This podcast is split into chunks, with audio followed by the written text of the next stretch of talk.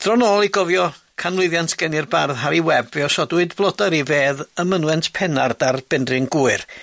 Un o gyrion Abertawe oedd Harry, ieithydd llyfrgellydd gweriniaethwr, cenedlaetholwr a bardd a fi unwaith yn drwbadŵr poblogaidd ar yr rhaglen dyledu honno, Poems and Pints.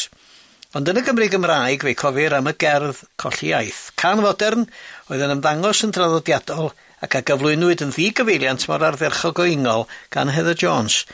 Mi awgrymus i wrth yr athro am Wyn Thomas gynt o Brifysgol Abertawe fod Harry Webb wedi bod yn fardd poblogaidd. Oedd hynny'n golygu fod o'n fardd mawr hefyd? Uh, na, dyna ddim yn fardd mawr, ond yn fardd pwysig, oherwydd i, i gyfraniad e, i'n hadnabyddiaeth ni o'n hunain mewn ffordd. Uh, fel ei meddwl amdano fe fel, fel cymeriad falstaffaidd, achos oedd e'n gymeriad mawr a wedoch chi Oedd e hefyd yn, yn fawr o ran corff, oedd e'n chwimwff iawn i fyw ac yn, yn barod ac yn ffraith iawn i dafod. Um, ac mae'n bwysig cofio, er i fod hyn yn ddangos yn ddiddorwr, bod fe oedd e, yn ddiddorwr poblogaeth i, i naws, um, ac oedd e'n gydyniol o werth yn ni, i fod e mewn gwirionedd yn, yn ŵr sophisticedig, Oedd e'n amlieithog, oedd e wedi wneud gradd wedi'r cyfan yn Rhydychen, yn uh, Ffrangeg a Sbwyneg a Ffortiwgeeg uh, ac ar hyd i fywyd. Oedd ganddo fe rhyfedd arbennig. Nid yn unig ym, ym mhrif ieithoedd Ewrop, ond ym man ieithoedd Ewrop. A unwaith oedd ysgu'r Gymraeg, mewn mawr o dro, oedd yn sgrifennu nid yn unig yn y Gymraeg uh, pan oedd yn gallu, nid, nid yn farddoniaeth gymaint, ond yn y wen hwyseg achos oedd yn uniaethu yn ni gyda bobl y gyrore a bobl yr ymylon. Oedd e felly um, ddim, mae, mae, mae gerddi hanesyddol e, na nhw ddiddordeb diwylliannol, ond dyn ddim fawr gwerth uh, yn y marni uh, o ran barddoniaeth, ond mae'n lot o'i, oi, oi, oi gan ysgafnau uh, e, yn, uh, yn anfarol.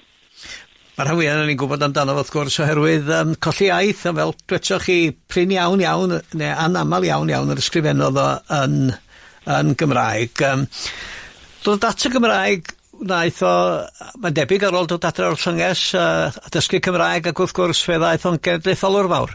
Do, do, do, ond fel wedes i, gyda theiriadau eitha radical, mm. oedd i fewn i'r blaid yn y cyfnod hwnnw, um, ac wrth gwrs o dachrau yr oedd e'n eitha amlwg yn, yn golygu pob fath o gwrthgronau, e.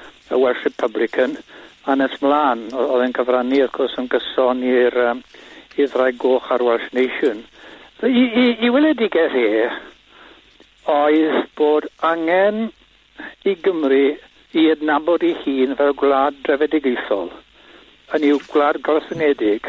Mm. A un arwydd o hynny yn ei farn e oedd diffyg adnabyddiaeth yn wedig yr Cymru Saesneg i haith, ac yn wedig yn ei brif nhw Cymru y cymoedd, oedd yn agos ar ei galonau, e, i diffyg adnabyddiaeth nhw uh, o'i hanes eu hunain ac felly ohonyn nhw eu hunain fel pobl a'i fwriad ysgrifennu'r ysgafn oedd ie er mwyn i diddannu nhw, ond er mwyn i denu nhw, pan yw, i addysgu nhw i bob pwrpas. Mm. Achos oedd yna gic yn ysgrifennu uh, ynghyd a, a nifer o gyfeiriadau hanesyddol. Felly, roedd e, cydwch na'i beidio, roedd e'n yr ysgwr ar hyd i fywyd er i fod e'n, yn ddyn gwyllt ac yn dal yn rebel greddol o'r cychwyn ac yn y ddiwedd, ond hefyd oedd e yn, yn grediniol bod angen mynd, mynd, mynd ati i, i ddysgu i, i hoff bobl. A meddwl eraill a ddechrau ar fa taw i o beth o e, oedd magu rhyw gymed o hunan barch yn y Cymru. A dyna driodd ei wneud dod o Abertawe yn wreiddiol, wrth gwrs, cysylltiadau o Penlyn Gwyr, ond medreulio fo i rhan fwyaf i oes yn um, llyfrgellydd yn y cymoedd, Cwm cynnal yn yr ardal yna. Wel, Merthyr a wedyn, wrth gwrs, Aberpennar. Ond mae'n mae bwysig cofio cychwyn, a chi'n sôn wrth yn heiddio, yna Swansea Jack oedd e, ac yn wir, fe fe, fe, fe godwyd e, fewn ergyd carreg i'r fetch, reit yng nghanol y ddinas. Yeah. Uh, Ond oedd ei dad a'i fam yn hannu o dde yn rhan gwyr. Nawr, prin yn, yn anffodus yw'r Cymru ydy hwnt i'r dema sy'n sy gyfarwydd y bro gwyr ac eto mae'n benryn arbennig iawn iawn o ni harddwch a phob peth. Ond reit, reit ar hyd y penryn, mae ma cefn bryn yn ymestyn. Cefnau, wrth gwrs. Yeah. A mae hwnna uh, yn daddiadodau wedi rhannu gogledd bro gwyr, fodder y gogledd, oedd yn Gymraeg uh, yn, yn, i, i haith yn, tan yn ddiweddar, ac yn Gymraeg i hagwedd, oedd i'w de uh, y, y penrhyn gwir, ac wrth gwrs mae honna wedi bod yn Saesneg, a bron a wedych chi yn Saesnig, uh, ers olia cyfnod y Normaniaid. Ac o'r ardal yna, roedd y tylwth Harry yn hannu. Ac yr, yr un ola na nath, nath arfer y, y dyfodiaeth arbennig yr ardal honna, oedd Phil Tanner oedd yn canu cerddi gwirin yr ardal yna yn hyfodiaeth arbennig uh, de bro gwir. A rwy'n credu i fod eirio'r dde'r fodel ar gyfer Harry Webb, syniad fod yn fardd gwlad, a bod modd fod yn fardd gwlad yn y Saesneg, yn ogystal ar Gymraeg. Beth am rei o'r cerddi wedyn sa ysgrifennodd o? Um... Wel, faint o'rna chi am i fi? i sôn amdanyn nhw. Fe ni fel wedi sy'n canolbwyntio ar y rai, miniog, doniol. Um, I dreamt last night that Keir Hardy's ghost applied for a Merthyr Borough post. He didn't get it. what a pity. But look who's chairman of the committee. Ac un arall wedyn, chi'n gwybod, uh, um, well, un, un, un byr arall naw, naw, un arall yw epitaph on a public man. Where now he lies, his old routine will suffer scant disruption. For none could say he'd ever been a stranger to corruption. Mae'n taro, os gen i amser i adrodd y ger arbennig na, our Budgie. Our Budgie lives in the cage of wire. Equipped to please each desire, he has a little ladder to climb, and he's up and down it all the time, and a little mirror in which he peeps as he utters his self-admiring cheeps. And two little pink plastic budgie mates, who he sometimes loves and sometimes hates, and a little bell, all made of tin, on which he makes a merry din. Though sometimes, when things aren't going well, he hides his head inside the bell. His feathers are a brilliant green, and they take most of his time to preen. His speech is limited and blurred, but he doesn't do badly for a bird. And though he can but poorly talk if you ignore him, he'll squawk and squawk and fly into a fearful rage and rattle the bars of his pretty cage. But he won't get out. He never try it. And a cloth from a cage will keep him quiet. This futile bird, it seems to me, would make a perfect Welsh MP. A dydy'n anfarwol, dydy? O, mae hwnna'n wych, ynddo we? Ydy, a beth sy'n wych ydy, nac os ydych chi'n syniad beth yw'r neges tan y frawddeg ola un, de? O, ynddo fe. A, oh. Cofiwch, uh, mae ydau, mae'n mae werth, mae'r cydnabod hyn, ac eto, uh, mae'n trafod yn anweddus wrth wneud. Roedd e yn fwriadol yn wr anweddus. Hmm. Oedd yn gath gan yr parchusrwydd oedd wedi llethu Cymru ni farnau yn rhy hir a llesteirio hi. Felly, un o'r ysgrifiadau am parwol e. Ond anweddus o Gymru oedd, uh, i sefyllfa hi oedd um, looking up England's arsehole, chi'n gwybod? Oedd e'n e, e ddif e lewin ar dafod uh, uh, o ddeifio pan, pan oedd angen fydde fe fod. Uh, mae'n bwysig bod hynny'n cael ei gydnabod a'i barchu. Dyna'r am o'i werthau o hyd i ni fel Cymru yn ymharni. Wel, Diolch yn fawr iawn i chi am ddwyn i go Harry Webb yr y cymeriad mawr ac roedd o ac uh, diolch i chi'n arbennig felly am yn atgoffa ni am y deryn bach The Caich. Wyn Thomas, diolch yn fawr iawn. Fel y clwson ni roedd Harry Webb yn ŵr gwleidyddol yn barod a'i bennill fel yr adeg honno pan agorwyd Pont Hafren. Two lands at last connected across the waters wide and all the tolls collected on the English side. Gafodd goeddusrwydd ar draws cannoedd o grysa tŷ bryd hynny ond ymhell cyn hynny roedd o ym mil naw pump wyth wedi ymuno Flaid Cymru bu'n olygydd yn o'i phapura ac yn ddiweddarach yn ymgeisydd syneddol yn etholiad mil naw saith deg ym Mhontypool. Dafydd Williams ydi hanesydd Plaid Cymru a fod drefnodd y coffau ar Benryn Gwyr yn gynharach. Mae o'n cofio Harry'n dda. Tybed oedd y cyfarfyddiad cyntaf rhwng y ddau yn nyddiad Dafydd fel ysgrifennydd cyffredinol Plaid Cymru. Wel, um, o'n i wedi cael, cael ei gwmni fe chydig cyn hynny. Um, Wy'n cofio fe ar y sgwar yn, yn Herfyrddin, uh, adeg i sythoedd enwog, uh, Gwynfor. Ond dwi'n credu mae gweld lluniau o'n i wedi wneud mewn gwirionedd nes i ddim ymgon y gefr ni. Ond on des i'n nabod yn, yn, yn syth wedyn, achos o'n i'n gweddol gweithgad ar blaid, cyn dod yn ysgrifennydd, oedd yna rhyw dair blynedd wedyn. Ac oedd um, Harry Prydni ar uh, ganol cyfnod o weithgarwch mawr gyda, gyda Fflaid Cymru. A felly o'n i'n ymwneud cryn dipyn gyda ge yn swyddfa'r blaid, yn hen swyddfa'r blaid, yn hel y Brenhines yng Nghaerdydd, ac yn y blynydde wedyn. A Harry, ar ochr chwith, wrth gwrs, ar uh, blaid, yn dipyn o radical ac wedi o, bod yn perthyn i'r blaid weriniaethol? O, yn bendant. Wel, oedd um, hanes amryliw iawn dy Harry yn wleidyddol. Oedd wedi bod yn, yn, yn, yn y llynges, yn y rhyfel, ar ôl bod yn y brifysgol yn Rhydychen, yn, yn Modlin, yn neud Ffrangeg a Sbeineg, ond mi ath, oedd yn gorfod mynd, wrth gwrs, uh, mi ath i'r llynges a cyfieithio oedd e i'r, um, er enghraifft, gyda byddin um, uh, uh, Ffrancod Rydd, y De Gaulle, mm. ac oedd yn cyfieithydd yn Ffrangeg ac yn Sbeineg oedd yn weddol, mae'n dilornus o'i gafel ar iaith Sbeinog, ond mewn gwirionedd oedd yn tipyn o ieithydd, a wedyn dod mas o'r, or llynges, heb lot o syniad beth i'w wneud, a fe fi oedd yn grwydro cryn dipyn yn ôl y hanes, Fos, Harry, bron i gemlenydd yn hun na fi, felly dwi'n dwi siarad o be dwi wedi clywed y ge a be dwi wedi darllen wedyn. Mm. Ac ynglith i, i grwydriadau oedd um, yr Alban. A trafod yr Alban, dath y dan ddylanwad um, y bardd a'r gwerniaethwr Hugh McDermid.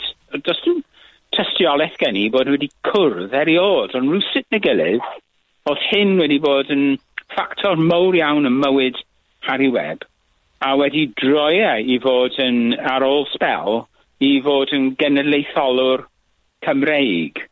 Ac yn wir oedd e wedi ymuno â Plaid Cymru, meddwl fe ar fympwy. Um, rhyw um, uh, ddwyrnod yn 1948.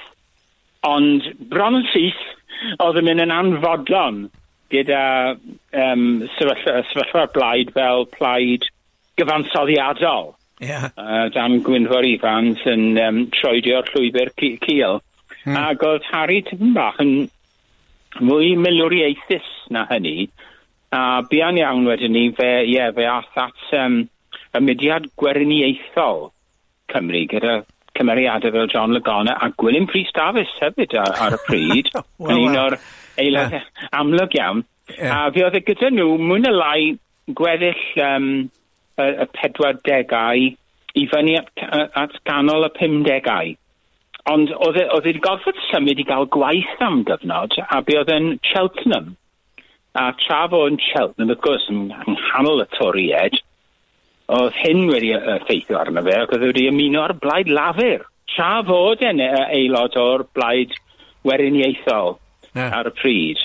Mae rhaid oedd yn byw rhyw fywyd braidd yn ddeiblyg ar pryd, achos uh, oedd yn eitha gweithgar yn y, yn y blaid lafur yn, um, yn Lloegr, ac ar ôl dod nôl i fyw y Merthyr Tydfil, ac oedd yn yeah. nabod S.O. Davis ac yn y blaen. Ond oedd e hefyd yn ysgrifennu, ac ysgrifennu'n wych iawn, i'r papur um, gweriniaethwyr. Ac yn wir, yn, yn fian iawn oedd wedi dadrithio'n llwyr ar blaid lafur yn, yn bennaf oherwydd Tryweryn, wel hwnna oedd beth bynnag oedd Sbardyn, ac yn 1960 fe ail ymunodd a Phlaid Cymru, ac o hynny mlaen oedd e mwyn y lai gyda'r blaid, ond wastod ar adyn uh, fylwriaethus Plaid Cymru. Mm. Hmm.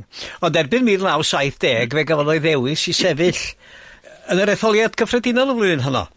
O, do, do, do. Wel, yn y flwyddyn honno, oedd Plaid Cymru dan ddylanwyd Gwynfor Ifams yn bennaf wedi penderfynu ymladd bob sedd. Ac o'n i ah, ar y ffin erbyn hynny, yeah. felly fi'n cofio'r amser yn iawn.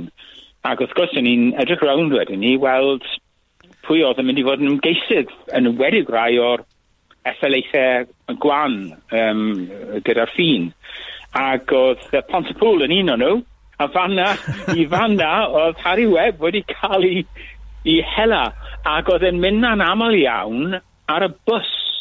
Os dwi'n credu gyrroedd Harry erioed. Nawr, dwi'n dwi, dwi, dwi, dwi hollol siŵr yn ffeithiau fanna, ond dwi hmm. ddim yn meddwl ni. A felly ar y bus, yn aml iawn, bydde Harry'n mynd, a mae cofio rhyw sôn amdano yn, yn ymgyrchu'n frwd dros y blaid ar y strydoedd ac yn y blaen am Hontypool, a wedyn mynd i'r cinema gyda'r nos i weld ffilm cyn dod nôl rhyw sut neu gilydd um, i, yeah. i ferthyl oedd yn byw prynu.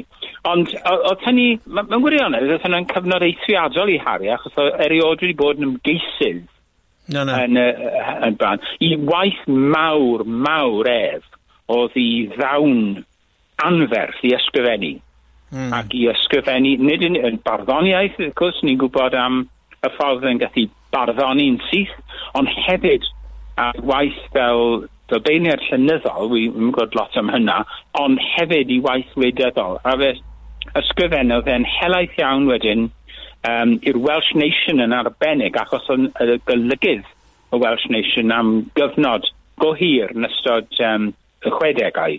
Ne, mi dwi'n ei gofio fo beth bynnag yn cyflwyno'r rhaglenni Poems and Pint rwy'n yn ymwybodol bod o'n yn, yn ddardd, ond roedd ganddo fo'r yeah. um, presenoldeb mawr yma'n doedd, ddech chi fod, oedd o ddyn mawr, ac oedd o locsyn mawr, ac oedd o ben Oi. mawr, ac oedd o'n gymeriad rhyfeddol. Ac wrth gwrs oedd rhywun oedd e wedi dod nôl um, i, i, i fod yn, yn llyfgellydd, a fe fi oedd yn llyfgellydd wedyn yn dawlais ar bwys uh, merthyr, a wedyn draw dros um, y cwm yn um, Aberpennar, ond dal i fyw ran fwyaf o'r amser yn Merthyr. Ac yn ystod y cyfnod byw, hynny... A byw bywyd bod hemaidd iawn yn ôl pob sôn, David? O, oh, wel, naw te. Naw te, mae gen i stori fan achos um, oedd Harry rhywsut yn y gilydd wedi, wedi benni lan mewn tŷ mawr, a, a mae lot o bobl yn gyfarwydd ar tŷ yma. Yn anffodus, dwi e ddim yn sefyll bellach, fel lot o bethau eraill yn Merthyr, ond oedd Garth Newydd oedd enw ti, ac oedd yn sefyll ar y hewl fel eich mynd mas o Merthyr Tydfel lan am uh, Cefn Coed y Cymer a'r Gogledd. Oedd arfer bod oh, yeah. yr hen tewl Aberhonddu ar y chwith. Yeah. A ti tal. Ac um, wy'n cofio mynd na'n ystod i setholiad merthyr, dwi'n meddwl, 1972, pan oedd Emrys Roberts oh, yeah. yn arwain y gad, yn gwneud yeah. y wych iawn fel yeah. ymgeisydd fanna. A Harry yn, yn, yn helpu yn yr ymgyrch. A cof sydd y fi yw eistedd lawr a Harry yn neud te i ni. Ond wahanol iawn i bob man arall, o'n i mewn stafell eitha mowr, ond o'n i fewn stafell o fewn stafell. Achos yng nghanol y stafell fawr yma, oedd e wedi creu waliau o lyfrau. Ac oedd nhw'n cwmpasu tair ochr o'r beder, a wedyn yn y canol, oedd yw gasling bach, ac ar hynny oedd Harry yn gallu berwi dŵr yn ei te ni. Ac oedd nhw'n gallu cofio fe nawr, ac oedd yn gymaint o, o gymeriad, ac yn ystod i amser y merthyr, um, wedi dysgu siarad Cymraeg, wrth gwrs, yn dda, Mm. Ond, oedd wedi dysgu y, y, y dyfodiaeth wenhwyseg, ac oedd yn siarad hynny yn berffaith am hwn i. Oedd yn byw yn y fan ar lle oedd pobl dawlais ar adeg hynny gan gamle ganrif diwethaf dal i, i, i siarad wenhwyseg yn, yn, yn naturiol. Ac oedd Harry yn un o nhw. Wel, diolch i chi am uh, gofio amdano fo, a hefyd uh, mi wnaethoch chi a chriw bychan yn ardal Abertawe osod bloda Rivero i gofio canlwyddiant i enni fo. David Williams, well, diolch yn fawr iawn i chi. Iawn, croeso.